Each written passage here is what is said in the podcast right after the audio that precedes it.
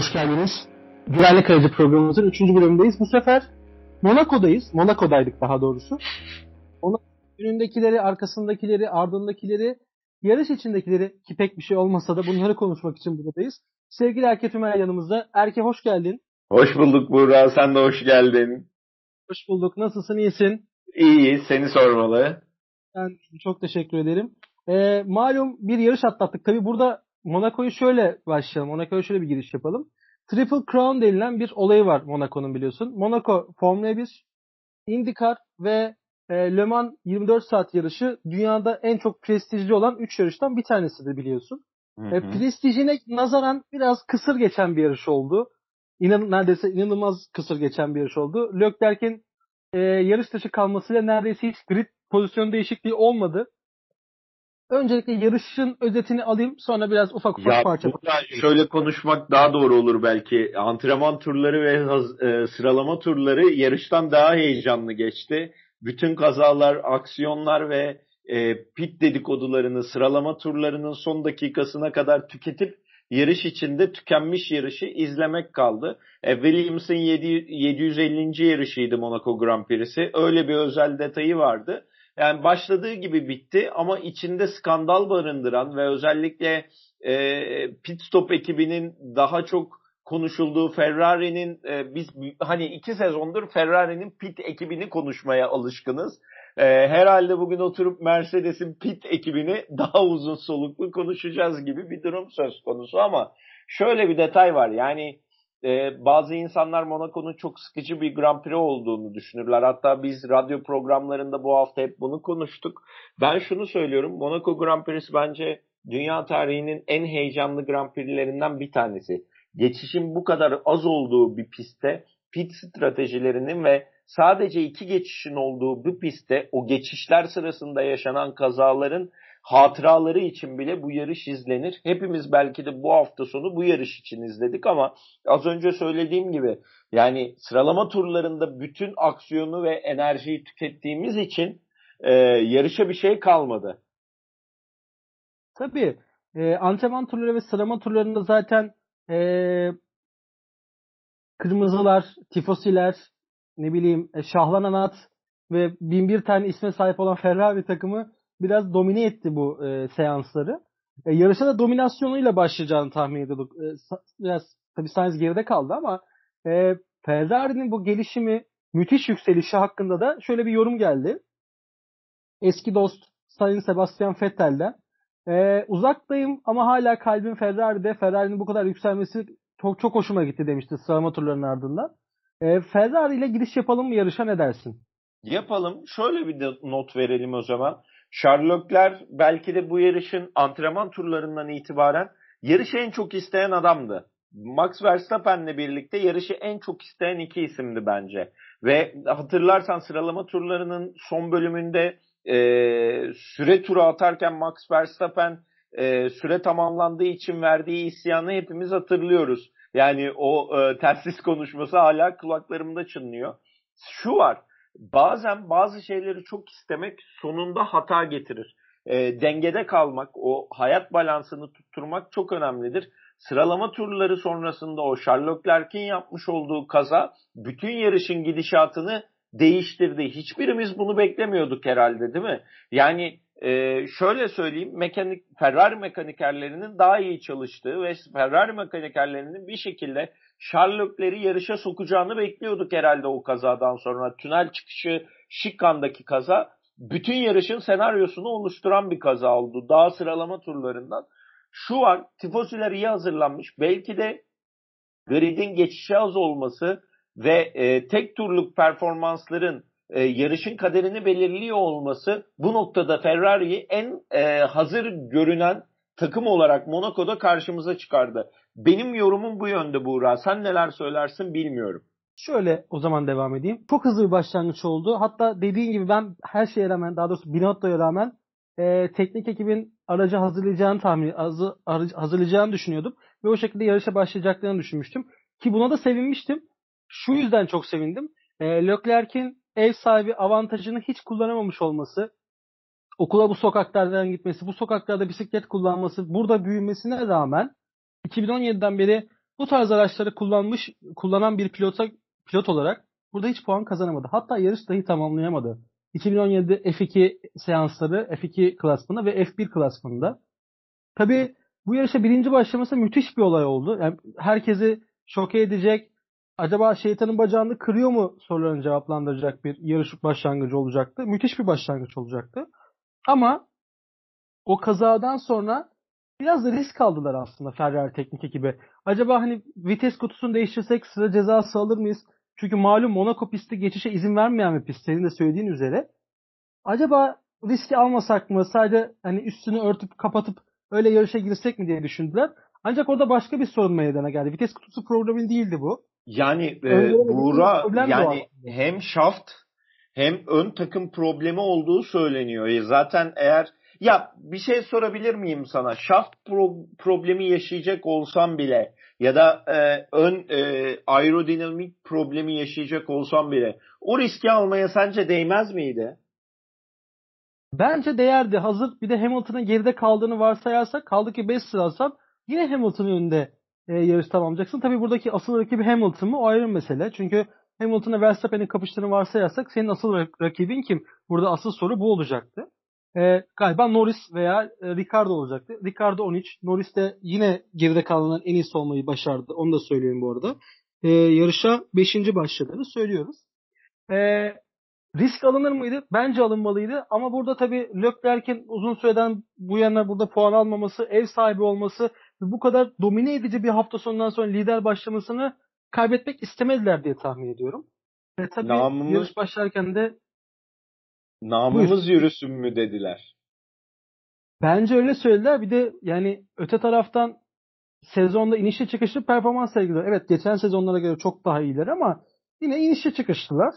Ee, bunu burada bitirmeyi planladılar. Olmadı. Öte yandan Science tarafına bakarsak müthiş bir gelişim. Çok iyi bir e, hızlanma, çok iyi bir ivmelenme. Tabi burada yarışta yarış içerisinde e, yavaşlamalar, farkın açılması, farkın kapanması söz konusu oldu. Çünkü madem birbirimizi geçemiyoruz o zaman lastiklerimizi koruyalım moduna girdi tüm takımlar. Dolayısıyla Sainz de yerini korumuş oldu açıkçası. Bu arada Sainz'e gelmişken şöyle bir istatistiği de verelim. E, Sainz'in podyuma çıktığı 3 yarışta ki bu yarışları hemen gözümüzün, gözümüzün önüne getirelim. 2019 Brezilya, Brezilya. geçen sene e, Monza ve bu Monaco yarışı. 3 yarışta da Red Bull motoruna daha doğrusu Honda motoruna sahip araçlar kazandı. Biliyorsunuz ki Monza'yı Alfa Tauri'den Pierre Gasly kazanmıştı. Diğer yarışları Verstappen kazandı. Ve bu üç yarışta Lewis Hamilton yarışı 7. sırada bitirdi. Bu da ilginç bir istatistik. Bence dikkate değer bir istatistik. Sainz'e gittikçe kendini yükseltiyor. Ve ayrıca şunu da söyleyebilirim. Sainz'ın da e, sıra motorları sonundaki tersinde şu ifadesi var. E, bitti mi sıra motorları? Umarım onun durumu iyidir. Ve yarış sonunda da şunu söyledi. Evet Leclerc'le birlikte yarışmak isterdik. Olmadı. Ama bundan sonra daha iyi yerlerde olacağımıza inanıyorum ben dedi. Sainz hakkında sana da bir pas atayım. Olumlu bir hava yaratmak için ve takımdaki rolünü benimsemiş olmanın göstermiş olduğu erdem ve kudret. Belki de babadan gelen çünkü hatırlarsın e, Carlos Sainz da Colin McRae ile e, VRC döneminde e, Colin McRae'nin arkasındaki ikinci pilottu gittikleri her takımda. E, bilmeyenler varsa hani yaşı e, bizden daha küçük olan biz 30'lu yaşlardayız sevgili Buğra'yla. E, 20'li yaşlardaki gençler bilmez ama Colin McRae ve Carlos Sainz, Colin McRae vefat etmeden önce gittiği her takımda Colin McRae'in birinci pilot, Carlos Sainz ikinci pilottu ki Carlos Sainz yani baba Carlos Sainz bugüne kadar kariyerinde yaşamış olduğu başarıların birçoğunu bir, önündeki birinci pilot bir tık geriye düştükten sonra kazanmış bir profil sergilemişti. Keza anladığım kadarıyla oğlunu da bu şekilde yetiştirip bu noktada hani doğru takım oyuncusu olma, doğru takım rolüne doğru bir şekilde adapte olma konusunda iyi yetiştirmiş gibi ve bünyeye iyi nüfus etti. Aracı da belki iyi tanıdı. Ki McLaren'deki son döneminde de aslında aracın limitlerini sonuna kadar zorlayan bir performansı da vardı. Burada asıl detay şu.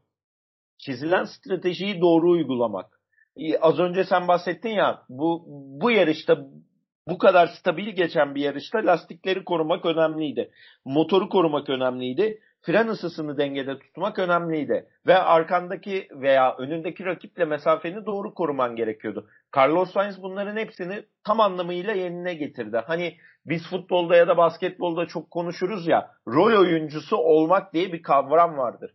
Carlos Sainz belki Kesinlikle. de Ferrari'nin şu an rol pilotu oldu.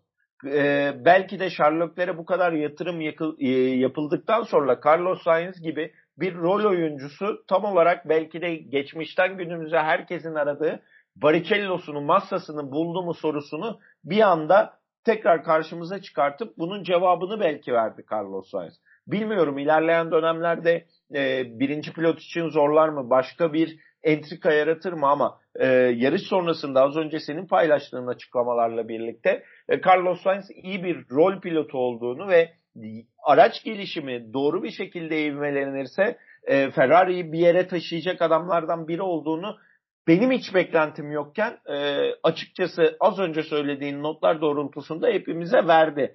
Fakat şu var. Ya bak Ferrari'de araç gelişiyor. Ferrari'de gelişen e, pit süreleri var. Ama Ferrari'de mutlak surette gelişmeyen bir şey var farkında mısın? Ya bak gerçekten hani namın yürüsün vesaire olsun şu bu olsun bunları esprisine konuşuyoruz ama Ferrari'de e, mühendislik olarak gelişmeyen bir şeyler var. Ferrari bu sezon dikine bir ivme sergiliyor diyebilir miyiz şu ana kadar? Ser diyebiliriz evet. Ve bu dikine ivme sergilenirken risk alınabilecek bir yerde o riski almıyorsan e, takım yönetimi içerisinde artık bir dinamiğin değişmesi gerekiyor. Birkaç dinamiğin birden değişmesi e, gerektiğini düşünenlerdenim ben en azından. Yani ya sadece bir notta değil. Sadece ya bir notta ekranların önünde olan adam ama birçok parçanın bence değişmesi gerekiyor. Yani şöyle bakmak lazım. Red Bull bu sene Mercedes'ten kaç kişiyi transfer etti? Red Bull bu sene Neredeyse bu bir neredeyse bir futbol takımı kadar diyebiliriz. Bir tabur çok daha yanılacak rakamı. Bir tabur transfer etti diyebilir miyiz? Tabii, tabii kesinlikle. E Ferrari olarak senin de bir şeyleri değiştirmen lazım. Honda niye bu kadar yani Red Bull özür diliyorum Honda Red Bull niye bu kadar yatırım yapıyor hem içeriye hem dışarıya? E, geçebilmek istiyorsan en iyi en iyi şekilde yapmış adamları bulup alman lazım. Onlar da bunu tercih ediyorlar ve gün sonunda tartışırsın. Çok fazla entrikanın döndüğü bir yarış oldu gene görece olarak. Ama en iyileri transfer ettiğin için günün sonunda bugün Max Verstappen bu yarış sonunda pilotlar şampiyonasında liderliğe yükseldi. Lewis Hamilton yedincilikte kaldı. Mercedes pit stratejilerinde çok büyük bir problem yaşadı ve Lewis Hamilton kibar bir şekilde hani ben tweette de bunu yazdım. Lewis Hamilton kibar bir şekilde yani Toto Wolff'undan tut e, ismini bilmediğim birçok insana kadar tabiri caizse sövdü. Yani bir pilot bizim planladığımız strateji bu değildi diyorsa ortada iletişim, e, planlama yani birçok strateji problemi vardı ve bunun ekmeğini McLaren, Ferrari, Red Bull inanılmaz bir şekilde kullandı. Günün şanslı ismi dediğin gibi Carlos Sainz rol oyunculuğunu çok iyi başardı ve günün sonunda podyuma çıktı günün sonunda zaten beklediğimiz ve buraları oynayabileceğini, buraları e, gö- buralarda hep olabileceğini gösteren Norris gene buralarda yer aldı. E, zaten Max Verstappen doğal favorilerden bir tanesiydi. Yani eğer sen bu şartlar altında Ferrari olarak o riski alıp 5 sıra geriden başla. Ama sen bugün Lando Norris'in yerine ortak olup e, podyuma iki pilotunu gönderebilirdin. Bazen risk almak gerekir e, hani teknolojiyle duygusallığın çatıştığı noktada bazen duygusallığını ön plana ön plana atıp marka büyüklüğünü korumak adına bile o startı vermen gerekirdi diye düşünüyorum. Daldan dala atladım birçok şeye değindim ama işte e, yani şöyle düşün. E, Lewis Hamilton bu kadar kötü bir sıralama turu geçirip bu kadar beklenmedik bir yerde başlamasına rağmen takım pit stratejisinde hata yapmasına rağmen geri adım attı mı? Atmadı. Hayır. Sen de Ferrari'nin CV'sine, görgüsüne, kültürüne bağlı olarak öyle veya böyle Sherlock'leri yarışa çıkarman gerekiyordu. Eğer çıkartamıyorsan bugün istifa mektubunu vermen gerekiyordu. Bu arada aslında şunu sormak lazım. Yani e, spesifik olarak Monaco açısından bakarsak bu olanların e, Leclerc'in şanssızlığıyla bir alakası olabilir mi diye bir soru soracağım. Bu soru aklında kalsın. Çünkü ben de senin söylediklerine ek bir şeyler söyleyip tekrar bu sorunun cevabını isteyeceğim senden. Aslına bakarsan aldığım notlarda Ferrari geri dönüşü başladım gibilerinden bir soru sormuştum. Ama biraz önce açıkla, yaptığın açıklamayla birlikte sorumun ben cevabını aldım. O soruyu şu anda sormuyorum. Ee, diğer taraftan Carlos Sainz, Senior Carlos Sainz, Baba Carlos Sainz ve Colin McRae'den bahsetmiştin. Ee, Carlos Sainz şu anda baba olanı oğluna tabii ki bir mentorluk yapıyor ve tabii ki bilgi veriyor. Nasıl ki Max'ın babası ona e, bilgi veriyorsa tez aynı şekilde bu durum Sainz'da da var. E, ve tabii ki Colin McRae'nin birden aklıma şey geldi benim. Hatırlar mısın? Colin McRae Rally'de bir oyun vardı. Konsol oyunlarında veya bilgisayar üzerine oynadığımız. Bilgisayar oyunlarında çok oynamışlığım var. Kesinlikle bilgisayar oyunlarında çok oynardık bunu ve biz galiba bir nesili e, rally sevdiren bir oyundu. Rally sporunun varlığını ve rally sevdiren bir oyundu bizim motor sporları aşkımızda motorları sev, spor, sporları sevdamız da buradan geldi diyebiliriz aslında. E, tabii Sainz burada Ferrari ilk podyumunu aldı. İlk podyumu da 5. yarışta aldı. Bu da aslında büyük bir başarı baktığında. E, Ricardo'nun takım arkadaşına tur 7'ni varsayarsak Perez'in hakeza bir gerilerde kaldığını tabii yine e, yükseldiğini görüyoruz ama yine takım arkadaşından geri kaldığını sayarsak Perez Sainz'in yaptığı çok büyük bir başarılı olaydır bu. Bunda e, söz etmeden geçmeyelim diyorum. Tabii artık şu Ferrari dosyasını biraz kapatıp diğer takımlara geçelim. Sen Mercedes'ten bahsettin. Mercedes'te Hamilton'ın o e, kibar isyanından bahsettin ama o kibar isyanın altında aslında bir şey yatıyor. Şampiyonun, e, dünya şampiyonu acaba geride kaldığı zaman bu kadar isyan etmeye devam edecek mi yarışlarda? Benim aklıma sürekli bu soru geldi. E, tabii her yarışı 1-2-1-2 oluyordu. Taktiksel savaşlarda geçen hafta ya hemen dönelim. İspanya'da taktik bir hamleyle geride kaldığı yarışta Verstappen'i geçti ve birinci oldu. Ancak burada çok gerilerde kaldı. 6-7 bandında kaldı.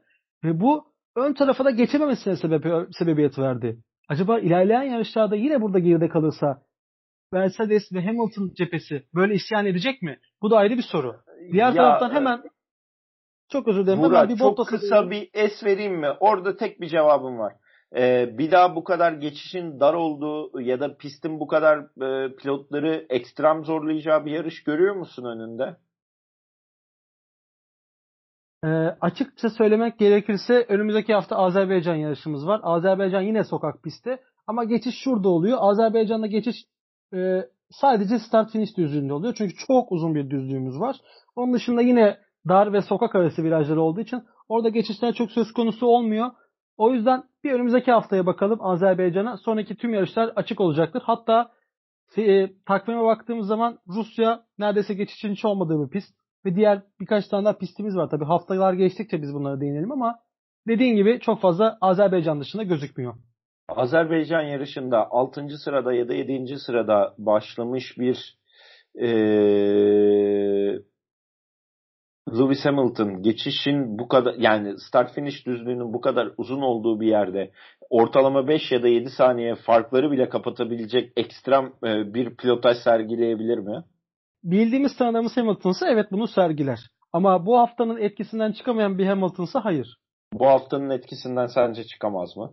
Ya bugüne kadar Nico Rosberg'le yaşadıklarını düşün e, Alonso gibi bir dünya şampiyonuyuz, şampiyonuyla aynı takımda yarışmış bir adamdan bahsediyoruz. Bence e, söz konusu winnerlıksa ve psikolojiyi doğru yönlendirme ise bu noktada Lewis Hamilton'ın problem yaşayacağını düşünmüyorum ama asıl problem e, Mercedes'in e, pit ekibinin ve strateji ekibinin e, bir daha aynı hatayı yapıp yapmama konusu. Her şeyi belirleyecek olan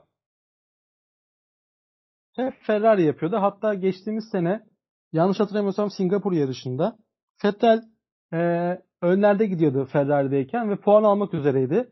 Yine bir pit hatası çok uzun süren bir pitin ardından puandan olmuştu. Tabi biz isyan ettik. Vettel isyan etmedi artık alışmıştı ve zaten gidecekti. Çok da takmıyordu ama e, Ferrari'nin başına geliyor bu olaylar hep derdik.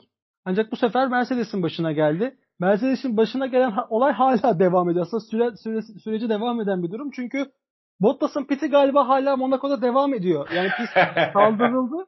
Ama galiba Bottas aracın içerisinde pit devam ediyor gibi bir durum söz konusu. Somun hala çıkmamış. Lastik somun hala çıkmıyor. Yani çok uzun süre denediler bir de e, Buğra. Yani ben oradaki o elinde o mekanik somun e, şey vida aletini tutan arkadaşın isyanını çok iyi anlatıyorum. İleri gelir ileri geri şeyi düşündüklerini hissettim Buğra ya. Ya tekerleğe bir tekme mi atsak acaba falan diye bir düşündüler ama tekerleğe tekme attıkları zaman bu kadar aerodinamiği e, milimetrik olan bir araca zarar vereceklerini düşündük. Daha büyük zarar vereceklerini Tekme direkt süspansiyona vuracak çünkü. Aynen öyle süspansiyon kırılacak aynen dediğin gibi hani tekme atmaktan vazgeçtiklerini hissettim böyle yani o sırada. Ya ben yani şeyi de düşün, düşündüm açıkçası yani hatırlarsan biz zamanında şu geyikleri yaptık ülkemize sosyal medyada.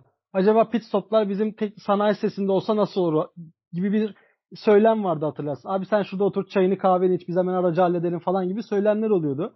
Acaba hani bu olay örnek veriyorum şu anda. Maslak Otosanayi sitesinde olmuş olsa veya Maslak Otosanayi sitesindeki bir tamirci abimiz oraya gitse bunu da kaç dakikada halledebilirdi veya halledebilir miydi? Olan yani belki senaryoyu daha söyleyeyim mi? Bugün sosyal medyada vardı. Ee, sosyal medyada vardı. Hatta benim bile başıma geldi buna benzer bir şey. Şöyle anlatayım. Ee, Maslak Otosanayi'deki lastik ustası gelir. Bakar çıkmıyor mu der. İçeriden gider çekiç alır.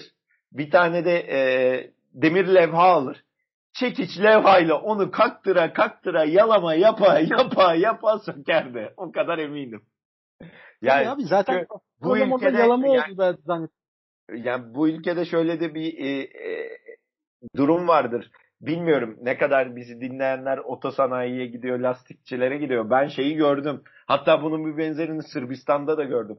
Lastiğin sağ, sağlamlığını lastiğe ve amortisör sistemine çekiçle vurup test eden usta var ülkemizde. Yani o sebepten ötürü biz bence hani bu tartışmanın dışında bir e, segmentteyiz öyle söyleyeyim. Ama şu var hakikaten çok büyük şanssızlık ve bugün sosyal medyada bir şey vardı. E, çok güzel bir parodiye denk geldim biz bu podcast çekmeden önce. Gene mi ikinci pilot talihsizliği yaşıyorum? Gene mi dünya şampiyonluğuna aday olamayacağım falan diye. Bottas araçta beklerken bir böyle yazılı e, espri, esprili bir şeyler çıkarmışlar. Hakikaten e, yani Bottas talih Bottas talihsizliği diye bir şey var bu hayatta. Tabii yani ben e, yine bir e, ortaya olay atayım. Acaba burada Hamilton'ın parmağı olabilir mi? Ben puan yani. almadım sen de alma. Tabii bu yani komplo teorisi. Yani işin komplo teorisi yani dediğin gibi olsa e, telsizden ya böyle planlamamıştık biz bu yarışı diyerekten isyan ve veryansın etmez. Hem Hamilton'ı pite erken çağırıyorsun. Hem sonrasında Bottas pit sırasında yarış dışında kalıyor. Bu bence yani Hamilton'ın ya bu stratejiyi uygulayın ben bu yarıştan puan almak zorundayım dediği bir senaryo değildir ya Buğra. Düşman tamam, düşmanını istemez. Düşman kardeş tamam, olsan böylesini istemezsin yani. Kesinlikle. Bu arada şunu da iletmek istiyorum. Ee, Hamilton'ın pit durumundan bahsettin. Erken, en erken pite girenlerden bir tanesi Hamilton. Ön sıradakilere nazaran. Ve pitten çıktıktan sonra Gazi'nin önüne geçemedi. Gazi'nin önüne geçmekte kalmadı. Fettel pit çıkışı da ikisinin de önüne geçti. Bir de böyle de bir e, durumla karşı karşıya kaldı. İkisinin de arkasında kaldı. Gazi'ye yaklaşamadı. Gazi'ye geçemedi. Önüne bir de Fettel geçince zaten yarışı o anda bitirmiş oldu. Hatta zaten yarışta iki tane dişe dokunur bir olay vardı. Bir tanesi Fettel Gazi meselesi. Fettel'in pistten çıkışıyla olan. Bir de ilk turda, ilk virajda Haas takımında Mick Schumacher'in Mazepin'i o e, gridin ve sezonun en yavaş virajı olan orada geçmesiydi. Başka bir hiçbir olay yoktu zaten yarışı pist üstünde aslına bakarsan. Kimin e bir, kimin kimi geçtiğini görmedik. E, senin şey konusuna gelelim mi o zaman? Reji konusuna gelelim mi? Tabii ki gelelim. Yani e, orada bir olay oluyor. Biri pite giriyor ya da Fetel Gazi meselesi oluyor. Monaco rejisi özellikle e, Stroll'ün orada havaya uçmasını gösteriyor. Tabii yani şimdi inanılmaz detaylar var pist üstünde. Adamlar sıfır geçiyorlar. E, yani bariyerleri belki de sürtüp geçiyorlar. Ya da bazen işte drift atıyorlar ki Max Verstappen son turunda son virajda drift atarak geçmiş. Bir nevi şov yapmış. istemeyerek de olsa. Şimdi böyle şeyler gerçekten dişe dokunur ve gerçekten gözümüze batan olaylar. Gözümüze e, hitap eden olaylar diyeyim. Ancak Yani orada bir geçiş var. Daha önemli bir mesele var. Ne bileyim yani bu şey gibi e, Bottas'ın pitini göstermeyelim boş ver abi devam edelim. Bottas orada ölüyor. Yani yarışamıyor ama biz orada şeyi gösteriyor. Stroll'ün uçmasını gösteriyoruz gibi bir inanılmaz reji skandalı var. Şimdi bunların hepsini toplasak zaten Netflix bu arada yani rejiden bahsetmişken bundan bahsetmemek olmaz. Netflix bu arada bu hafta Leclerc'in yanındaydı. Yine olanlar oldu. Leclerc'in veya Netflix'in kime gidiyorsa hangi kampa gidiyorsa zaten Netflix'in vermiş olduğu bir olayla birlikte o takım bir puan kaybediyor. Bir şeyler oluyor. 2019 Almanya'yı hatırlarım. Hamilton'ın son kaza yaptığı yarış. Ama Pardon, o yarış e, yani işte olaylı Leclerc, bir yarış. Yani o yağış, o kazalar onu Netflix'e bağlayamayız ya. Evet kehanetler yarışı. Az önce sen de bahsettin Carlos Sainz'ın e, podyuma çıktığı yarışlarda Hamilton'ın bitirişi, o Honda motorunun yarışları zirvede bitirmesi vesaire bir kehanet gibi bahsediyoruz biz bundan ama yani 2018 Almanya veya bu, bazı yarışlar var. Doğa Ana'nın direkt olaya müdahil olduğu ve Doğa Ana'nın tamamen yarışı tahkim ettiği bazı dönemler var. Bazı yarışları işte kaçtı? Hangi Belçika yarışıydı hatırlatıver. Şimdi hatırlayamadım vallahi senesini. O herkesin kaza yaptığı Belçika yarışı. Az önce evet, bahsettiğin evet. Almanya bunu, yarışı. Bunu hatırlayamadım. Hatta bu evet. Doğa Ana'nın vermiş olduğu olayla ilgili şöyle bir gerçeklik de var. Ee, yarış yayınlanırken ki Türkiye'de yarış yayınlanan uzunca süreden beri yayınlayan bir abimiz de anmadan geçmeyelim. Serhan Acar'ı anmadan geçmeyelim. Serhan Acar'ın söylemiş olduğu bir cümle var. Şaka yapmıyorum. Sarhoş da değilim. Lance Stroll lider dedi. Yani bu herkesin hala kulaklarına ve hala anılır. Şimdi bu da doğanın bir katkısından dolayı ortaya çıkmış bir durumda o zamanlar. Şimdi bu da zaten o olayın başlıca olaylı e, bu olayın başlıca kaynaklarından bir tanesi de diyebiliriz.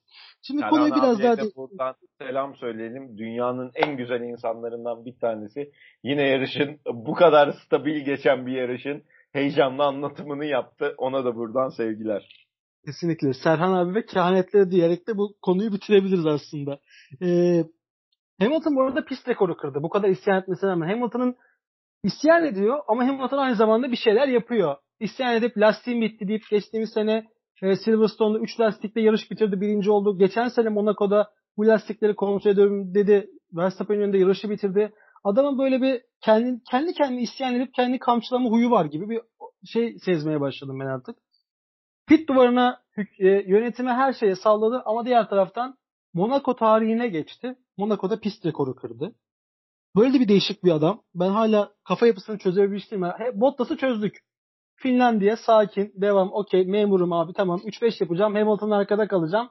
Yürü gitsin. Verstappen deli çocuk, delikanlı, uçuyor, gidiyor, kaçıyor. Hiç olmadık yerde hamle yapabiliyor. Hani şimdi böyle kare, karakter analizde ufak tefek yapabilirsek hepimiz artık görüyoruz, tanıyoruz hepsini. Norris desek zaten ailemizin tatlı çocuğu dedik. ya eğlenmeyi seviyor ya bir de. Ricardo'dan pistte daha eğlenceli bir adam varsa Lando Norris'tir. Yani Kesinlikle. bu çocuğun bu çocuğun el sallamaları üzerinden televole yapanlara sistemimiz sonsuz. ya gerçekten yani... saçmalamayın. Yani Avrupa basını saçmalamayın. Çocuk herkesle dost, herkesle arkadaş, herkesle gülmeyi seviyor ve dünyanın en eğlenceli iki Formula 1 pilotu yan yana gelmiş şunun tadını çıkartmak yerine bu işten demagoji çıkartanlara yani buradan selam olsun demek istiyorum. Hani bizim kapladığımız yer bu işte nedir bilmiyorum ama ya bir rahat bırakın ya çocuğu. Ya bazı işleri yaparken eğlenemezseniz işler çok stabile bağlar ve bu işten soğumaya başlarsınız. Olayı eğlenceli kırmak, işte Lando Norris ve e, Carlos Sainz arasındaki dostluk biz bu podcast'te başlamadan önce sevgili Buğra ile konuşuyorduk. Ya bazı şeyleri kamçılamak yerine bazı şeylerin güzelliğinin tadına varmak lazım. Bir daha dünya spor tarihinde bu kadar belki bu işten eğlenen bir adama denk gelemeyeceksiniz. Yani biz hep Ricardo'dan alışkınız böyle tırnak içerisinde şebekliklere ama ya Norris'e bir de yakışıyor. Yani Pitt'in en genç adamlarından bir tanesi ve böyle saçma sapan özgüvenli hareketleri sempatik de duruyor. Bak kimine yakışmaz. Yani bugün o hareketi Max Doğru. Verstappen yapsa adamı yerden yere vururuz. Ama Norris yapınca çok tatlı duruyor ve kızamıyorsun da. Ve altında art niyet olmadığını biliyorsun. Yani bu çocuk ilk e, podyum yaptığında ya da Carlos Sainz podyuma çıktığında o gün şampanya patlatılan eğlence sırasındaki o Netflix'te de var. E, birinci sezondaydı yanlış hatırlamıyorsam. O görüntüleri düşünün. Bu çocuğun bu işi yaparken olaydan ne kadar eğlendiği, yeni kontratı imzaladığı sıradaki o çekilen viral video vesaire. Yani bazı işleri yaparken bir yandan da hayatın eğlence olduğunu, hayatın gülmeye dayalı olduğunu, gülümsemeye dayalı olduğunu unutmamak lazım. O sebepten ötürü ben Lando Norris hem çok ekstrem söylemlerde bulunmadığı sürece bu tarz hareketlerinin çok sevimli karşılaş, e, karşılanması gerektiğini düşünenlerdenim. Lewis Hamilton meselesine son cümle e, tarihin gelmiş geçmiş benim için en iyi pilotu pilotu Michael Schumacher'dir. Ama Michael Schumacher'in bu kadar kapladığı hacim ve özel hayatı, işte yaşamış olduğu kayak faciası, işte bitkisel hayatı geçişi vesaire falan olmasaydı tarihin gelmiş geçmiş gördüğü en iyi pilot, en iyi mekanikar, en iyi stratejist, e, en iyi e, aktivist yani kesinlikle ve kesinlikle Lewis Hamilton. Kesinlikle. Ee, yani Schumacher dedik. Yani şu anda hemen bir parantez açalım. Şu andaki durumuna hakim değiliz. İnşallah hayattadır. İnşallah e, e, dönmek için çaba sarf ediliyordur onun sağlığı için. E, savaşmaya devam Michael diyelim. Onu da almadan geçmeyelim. Hatta e, hepimiz seviyoruz. Hepimiz arkasındayız. Hamilton şey demiştik biraz önce. Şey dedin. E, Norris'i nasıl hatırlıyoruz? Norris hep böyle neşeli bir şekilde karşımıza çıkıyordu ama benim aklıma çok başka bir şey geldi. Japonya'da Mika Hakkinen ve Michael Schumacher'in bir sıralama turları sekansı var. Hatırlar mısınız? Herkes hatırlayacaktır. Sen de hatırlayacaksın birazdan. Hakkinen çıkıyor, liderliği alıyor. Schumacher çıkıyor, liderliği alıyor. O Suzuka pistindeki o mücadele e, aklıma geldi benim. Norris'ten bahsetmiş ol, bahsettikten sonra. Tabii neşeyle ve hiçbir alakası yok ama bu da bir mücadele var. Yani mücadeleyi bizi ekrana bağlayan kriter oydu. Mücadeleydi zamanda. Şimdi Norris'in neşesi var. Bir de böyle bir başlığı açmak istedim. Diğer taraftan Norris'le ilgili hemen aklıma bir anı geldi. Ee, Alonso'nun McLaren'de yarıştığı zamanlarda Norris test pilotuydu McLaren takımında. Ve Alonso pit e, ekibinin içerisindeyken, garajın içerisindeyken kahve istiyor. Norris kahveyi getiriyor. E, Alonso Norris'e diyor ki ben kahvemi şekerli içerim diyor. Tamam o zaman diyor. Kahveyi getiriyor. Şekeri getiriyor özür dilerim. Şekeri getirdikten sonra diyor ki nasıl karıştırabilirim diyor. Ve Norris gidiyor yan taraftan garajın yanından bir e, şarjlı vidalama makinesini alıyor ve onunla birlikte kahveyi karıştırıyor. Adam daha zaten pit garajındayken test pilotuyken bile böyle minik nüanslar böyle ufak tefek şakalar yapabilen bir adamdan bahsediyoruz. Tutup da Ricardo'ya kaldırdığı el sallamayı ya Türk basını, Türk magazin basını dahi yapmaz. Öyle söyleyeyim sana. Hani Türk magazin basını biz ülkemizde yerden yere vuruyoruz ama bunu onlar dahi yapmaz. Yapmayacaktır da biliyorum yani. Her şey yaparlar onu yapmazlar. e işte Böyle de bir e, rating çıkarma. Tabii. Bu arada şeyden e, podyumdan bahsettin. Podyum öncesinde e, David Coulthard'ın sorularını Norris yanıtlarken hemen yan tarafına Sainz ilişti. Orada bir atıştılar. Podyumda atıştılar. Şampanyayı patlattılar üzerine. Tabii podyumla ilgili şu bilgi de vermek lazım. 10 sene sonra ilk defa Red Bull, Mercedes, özür dilerim. Red Bull, Ferrari ve McLaren'in olduğu bir e, üçlü podyum gördük. 10 sene sonra. Bunun dışında sadece tabii Mercedes'in dominasyonu vardı. Sürekli farklı takımlar oluyordu ama 10 sene sonra ilk defa bu sahneye şahit olduk. Tabii ilk defa Max, Max Verstappen şampiyonlar liderliğine çıktı. Red Bull uzun zamandan sonra takımlar klasmanında liderliğe çıktı. Bunları da söylemeden geçmeyin. Hep Hamilton Bottas üzerinden gidiyoruz ama diğer tarafta kazanan ekibi de bir görelim. Ee, Perez'in en hızlı turuyla birlikte yarışın ortalarına en hızlı turlar attı. O, o, onu biraz yükseltti. Bakıyorum hemen Perez 9. başladı 4. bitirdi. Çok büyük bir olaydı. Programın başında ben Perez geride kaldı dedim ama e, şartlara rağmen çok iyi bir yarış çıkarttı. Verstappen'in tabii ki kazanması, rahat kazanması diyeyim. E, Leclerc'in olmayışıyla. Bu konuyla ilgili de senden ufak bir e, gözlem, yorum ve özet alayım. Ee, şöyle başlayalım. Ee, bir notu da ben ekleyeyim. Vettel'in geldiği nokta ve bu yarışı tamamladığı nokta biz e, SEP sevenler için çok heyecan vericiydi öncelikle. Perez'in göstermiş olduğu performans aracın normal kapasitesi ve Perez'den çok daha iyisi bekleniyor. O notu ekleyeyim. E, Max Verstappen için de Sherlockler olsaydı yarışta ve ikinci başlasaydı Sherlockleri zorlayıp bu yarışı kazanabilir miydi? Evet kazanabilirdi. Honda beklenilen performansın tamamının karşılığını verirken e, bence yarışın en böyle dikkat çekici noktası Sebastian Vettel'in bitirdiği noktaydı bence bütün yarışın genelinde. Evet Horner ve ekibi çok önemli bir iş başardılar. E, Max Verstappen yarışın başından sonuna kadar yarış stratejisini çok doğru bir şekilde korudu, lastiklerini korudu, aracını korudu. Az önce senin bahsettiğin son drift e, viraj dönüşü dışında belki de yarışta hiçbir hata yap, e, hata yapmadı ama yani zaten biz e, Honda motorunun bundan yaklaşık iki hafta önce e, hatta se, seninle yaptığımız ilk kayıtta e, şey konuşmuştuk. Honda motoru e, şu an itibariyle %10 performans arttırdı. Zaten Honda motorunun gelmesi gereken nokta Red Bull'la birlikte yarış liderlikleri ve Verstappen'in podyumda bir numaralı e, basamağa çıkması. Yani şu an onun karşılığını verdi. Bakalım Azerbaycan'da bunun karşılığını verebilirse eğer bu sezon çok daha farklı bir senaryodan bahsediyor olacağız. Yani bu yarış bir başlangıç mı yoksa bir e, rüya mı? Onu göreceğimiz bir noktadayız şu an aslında. Şimdi hemen geçen haftaya gidelim. Daha doğrusu son yarışımıza gidelim. İspanya yarışı yine hızlı düzlükleri olan hatta hızlı virajlara sahip olan bir pistti. Hızlı düzlüklerde Red Bull'un hızını gördük. Ee, Mercedes'in hızını gördük. Açıkça söylemek gerekirse Mercedes Mercedes Red Bull arasında gidip gelen bir yarış olacakmış gibi gözüküyor. Burada faktör yine pit duvarı olacaktır. Pit stratejileri önemli olacaktır. Ee, ama yine de Red Bull'un ben yine bir tık önde olacağını düşünüyorum. Verstappen ivmeyi aldıktan sonra e, her şeyi göz önüne alarak bastıracağını düşünüyorum. Açıkçası benim de yorumum bu. Çok iyi bir iş çıkarttılar. Çok muhteşem bir iş çıkarttılar. Beklediler, beklediler. Çok güzel turnayı gözünden vurdular diyebiliriz. E, Perez de yükselişe geçti mi? Geçecek mi? Soru işareti. Umarım geçecektir. İlk bölümde ben söyledim. Bottas'ın üstüne bile bitir, bitirebilir demiştim. Sözümün hala arkasındayım bu olaylardan sonra tekrar tekrar üstüne basmak gerekiyor.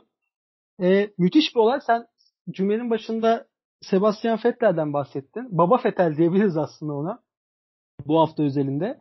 Yaptığı yorumlarda, yaptığı basın toplantılarında baba şakaları, baba esprileri, baba mizahı ile birlikte biraz göz önünde bulundu. Hatta yarıştan sonra takım radyosuna söylediği e, o cümleler de şu anda aklımda yok ama o cümlelerde gerçekten olgunlaştırma baba ifadesinde sergiledi. Hatta e, günün sürücüsü seçildi Sebastian Vettel. Aynen öyle. Bu ona, Aynen bu ona bir ivme kazandıracak mıdır? E, devam edecek midir? Yoksa geriye düşecek midir? Bu da yine bir soru işareti. E, ben geriye düşeceğinden yanayım. Geriye düşeceğini düşünüyorum. Çünkü diğer pistler biraz hızlı pistler olacaktır. Bu hızlı pistlerde geçen yarışlarda olanları gördük. E, bu saatten sonra geriye doğru bir ivmesi olacaktır diye düşünüyorum. Bu Vettel için bir e, değişiklik oldu. En azından eski puanlı günlerine geri dönmüş oldu diyebiliriz. Ee, biraz ben konuyu farklı bir konuya bir tarafa taşımak istiyorum. Bottas'ın bu performansı sezon ortasında her ne kadar söylenmese de Bottas bizim pilotumuz dense de Bottas Russell değişikliğine, Bottas'ın gridden uzaklaşmasına ve Russell'ın Mercedes'e geçmesine sebebiyet olur mu? Sebebiyet verir mi? Bu Daha sezon böyle biter. Olacak bu geliyor. sezon bence böyle biter Buğra. Gelecek yıl e, koltuk Russell. Kesin olarak eminsin. Hayatta hiçbir şeyin yüzde yüzlüğü yok ama görüntü o. o. Yani kesinlikle. Ama şu anki görüntü e, Bottas'ın koltuğu an itibariyle bu kadar. Peki şunu söyleyeyim. Hamilton'ın olmadığı bir e, senaryoda Hamilton Bottas yok. Mercedes'te e, Russell yanına hangi kimi koyarsın? Topumla tüfeğimle McLaren'den Lando Norris'i koparmaya çalışırım. Sana bir şey söyleyeyim. Benim de ilk aklıma o gelmişti. Tamam hemen değiştirdik. Norris'i Mercedes'e geçirdik. Ricardo'nun yanı boşaldı.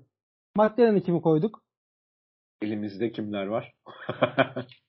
Elimizde kimler var? Ee, şöyle bakalım. Alt taraftan bakarsak e, Alonso tekrar geçebilir devam etme durumu söz konusuysa. Mick Schumacher var. Gerçi Mick Schumacher Ferrari akademisinde olduğu için Mercedes motoruna geçmez. E, hemen bakıyorum. Burada yani Formula 1 klasmanında çok fazla pilot değişikliği olacakmış gibi gözükmüyor açıkça söylemek gerekirse. Tabi Alonso emekliliği Fetel emekliliği gibi, Raikkonen emekliliği gibi durumlar söz konusu olmazsa. Çünkü 3 pilot da artık özellikle Raikkonen 41 yaşına geldiğini düşünürsek önümüzdeki sene yarışamama durumu da söz konusu olabilir. Bilmiyorum yani onun kafası nasıl işliyor ama Az önce Sebastian Vettel'le ilgili baba yorumu yaptın ya. E, evet. Dede hala devam ediyor. Kesinlikle. Torunu da galiba Yuki Tsunoda diyebilir miyiz? Yuki Tsunoda'dan ne torun olur ne askerlik deyimiyle konuşalım mı? Torun poşet miydi, çöp müydü? Çöp müydü, poşet miydi? Ben tam o şeyi hatırlamıyorum ama. Çöp poşet, miydi? poşet. Poşet değil mi? Yani torun olmaz.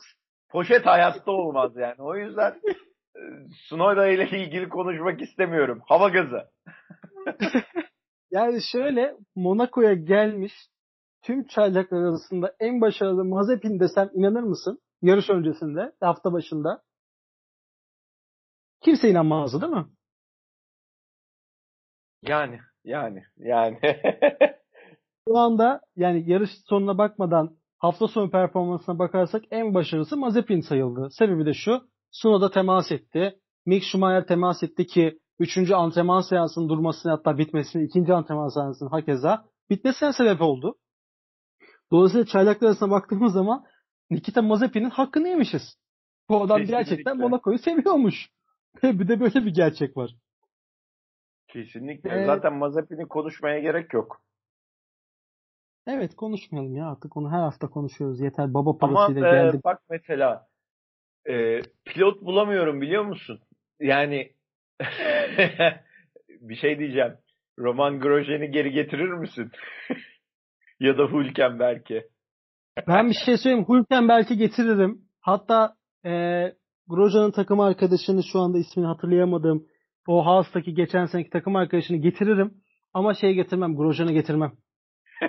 Grosjean Grosjean'ın sağlığı açısından getirmem. Yani Grosjean şu anda bir yerde e, yarışmaya başladı ve onun o yani o riski tekrar alacağımı zannetmiyorum ben Grosjean açısından. Ama Hülkenberg'i kesin getiririm. Hatta evet. zaten şu anda test pilot olarak e, Daniel Kiat var. Geçen seneki pilot Daniel Kiat kenarda duruyor. Biraz ya cepte gibi duruyor aslına bakarsan. Alt tarafta şöyle bir olay oldu. Bu da bu pilotlar açısından bakarken şu dipnotu da eklemek istiyorum. Monaco gerçekten hepimiz için böyle şok edici sonuçlara sahip bir yarış olduğu için Formula 2 klasmanında 17 yaşında bir genç çocuk, Fransız çocuk hem sıralama turlarında ilk ceviz aldı hem de yarışı kazandı ve bu şekilde tarihe geçti. En genç pilot yarış kazanan pilot olarak. Geleceği parlak mı değil mi yine bilmiyoruz. Ama Monaco'da yarış kazanmak büyük bir CV'ye eklenecek bir not olarak da bunu işlemek istiyorum aslında bu konuyla ilgili. Yolu açık Sen olsun. ne dersin? yolu açık olsun. yolu, yolu açık olsun ya. Öyle bir yerden geldik ki yolu açık olsun diyeceğim. Başka bir şey diyemeyeceğim şu an. yani Formula 2'den bu sezon gelenlerin hasta yaşadıklarını düşününce bahtı açık olsun. Doğru takım ve doğru akademilerle yola devam etsin demekten başka bir şey gelmiyor. Hoş Giovanazzi'nin bile hala bu e, ortamda var olabildiğini ve Giovinazzi'nin bile puan alma potansiyelinin olduğu bir Formula 1 ikliminde olduğumuzu düşünürsek her an her şey olabilir. Bu arada adam 10. başlayıp 10. bitirdi. Müthiş istikrar Giovinazzi. Aynen öyle. 9.luğa çıkmaya tenezzül bile etmedi. Kesinlikle. Bu arada Haas'tan bahsettin. Haas'ın en büyük e, handikaplarından bir tanesi motor geliştirmiyorlar. Tabii bu herkes tarafından bir, bilinen bir şey. Bir de başındaki adam biraz e, çatlak mı desem Günter Steiner e, e, biraz nevi şahsine münasır, biraz deli, biraz kafası kırık gibi. Ya Sürekli böyle... gelsin, para bulalım, yarışçılar az kaza yapsın, para içeride kalsın. Tam bir böyle Türk futbol takımı yöneticisi kıvamında. Kulübü satın almış, Türk futbol yöneticisi gibi. Tam Yalnız olarak Türk böyle. futbolu dersek biraz ayıp etmiş oluruz. Çünkü Türk futbolunda e, bazı güzel transferler var. Şimdi tırnak içerisinde söylüyorum. Müthiş paralar döndürülen bazı transferler var. Şimdi bundan da o konuya girmeyelim aslında bakarsan ama e, güzel olaylar da var diyeyim Türk futbolunda. Yani şimdi iyisi var kötüsü var ya. Orası biraz derin konu. Oraya girersek hiç çıkamayız. Ben son olarak şunu söylemek istiyorum. Peki, teşekkür ederim. ee, şunu... ben diyerek sen ihaleyi savuyorum şu an. şunu söylemek istiyorum. Ee, Verstappen iki yarış kazandı. Hamilton üç yarış kazandı. İnanılmaz gollü geçen bir maç izliyormuş, izliyormuşuz gibi hissediyorum ben kendimi şu anda. Bir sonraki hücumun sonucunda kim acaba gol atacak veya Bence kim iyi savunma yapacakmış gibi şu an playoff'lara çıkmış NBA takımları gibiler. Açlıkla saldırıyorlar. Nefesleri nerede bitecek? Yani senin geleceğin noktadan ben e, leb demeden leblebiyi vereyim. Azerbaycan Tabii. yarışına herhangi bir tahminde bulunmayacağım. Peşin peşin söyleyeyim. hani soracaksın aa gelişinden belli.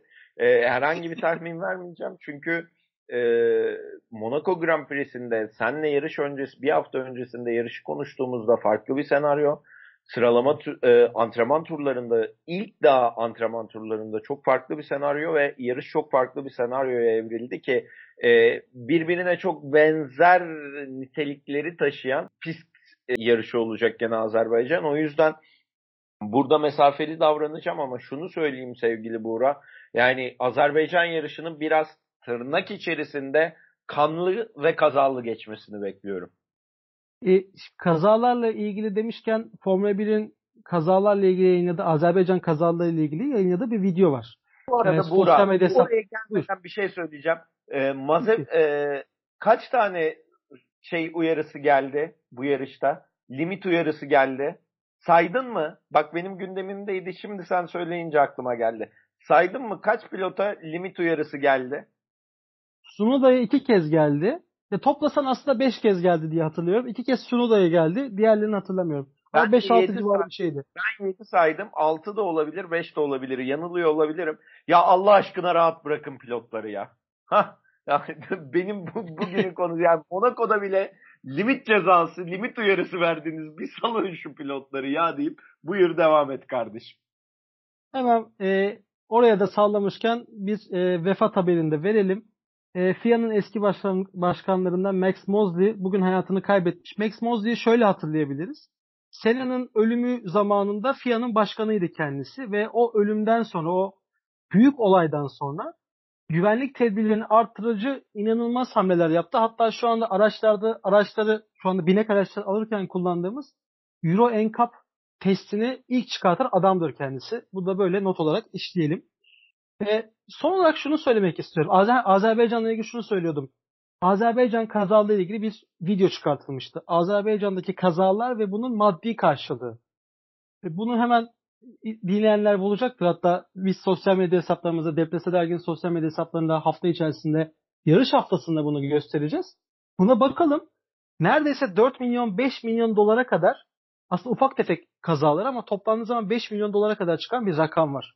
Ufak tefek dediğim ön kanat hasarı, lastik hasarı gibi hasarlar var. Dediğim gibi çok e, kanlı bir yarış bizi bekliyor mu Azerbaycan'da. Geçen sene Leclerc içeri şehir diye tabir ettiğimiz biraz e, bir ufaktan bir 15 günlük Azerbaycan seyahatim olduğu için biraz aksanlarına hakimim diyebilirim onlara da. İçeri şehir diye tabir ettiğimiz bir bölge var orada. O daracık virajdan geçtikleri nokta.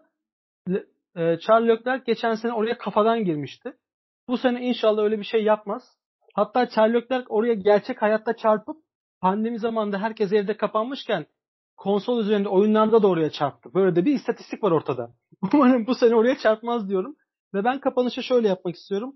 Norris Sainz'ın dostluğu kadar umarım griddeki dostluk sayısı artar. Podyumda biz böyle eğlenceli, podyum dışında eğlenceli videolar, eğlenceli olaylar görürüz ki heyecanın yanı sıra biz böyle mutlulukla, huzurla bu sporu takip etmeye devam ederiz. Takip ederiz diye düşünüyorum. Umarım da böyle olacaktır. Senin son düşüncelerini alalım ve yayını kapatalım. Ee, kesinlikle söylediklerine katılmakla birlikte e, biz bu işin izleyici tarafındayız ve bu işin profesyonelleri değiliz. Eğlendiğimiz ve bu konuyu konuşmak için ve konuşmayı sevdiğimiz için buradayız. E, stabil bir yarış geçmiş olabilir ama yine tarihin en güzel noktalarında en güzel manzaralarını veren bir Grand Prix'yi geride bıraktık. Dediğim gibi Azerbaycan e, bir replika olacak. Bekleyip göreceğiz. Peki. Çok teşekkür ederim Erke.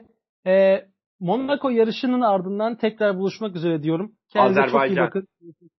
Özür dilerim. Monaco geçti değil mi? Ben aklımdan çıkmış. Heyecanlı bir yarış Azerbaycan olur olur hiç sıkıntı değil. Alıştık. Problem yok. Bana bugün ne yediğini sorsan hatırlayamayacak durumda olarak bence Monaco bir Monaco daha yarışı izleyebilirim bu arada yani. Ama bu sefer Leclerc'in kazandığı Monaco olsun olur mu? Olur anlaştık. Kendinize çok iyi bakın. Haftaya görüşmek üzere.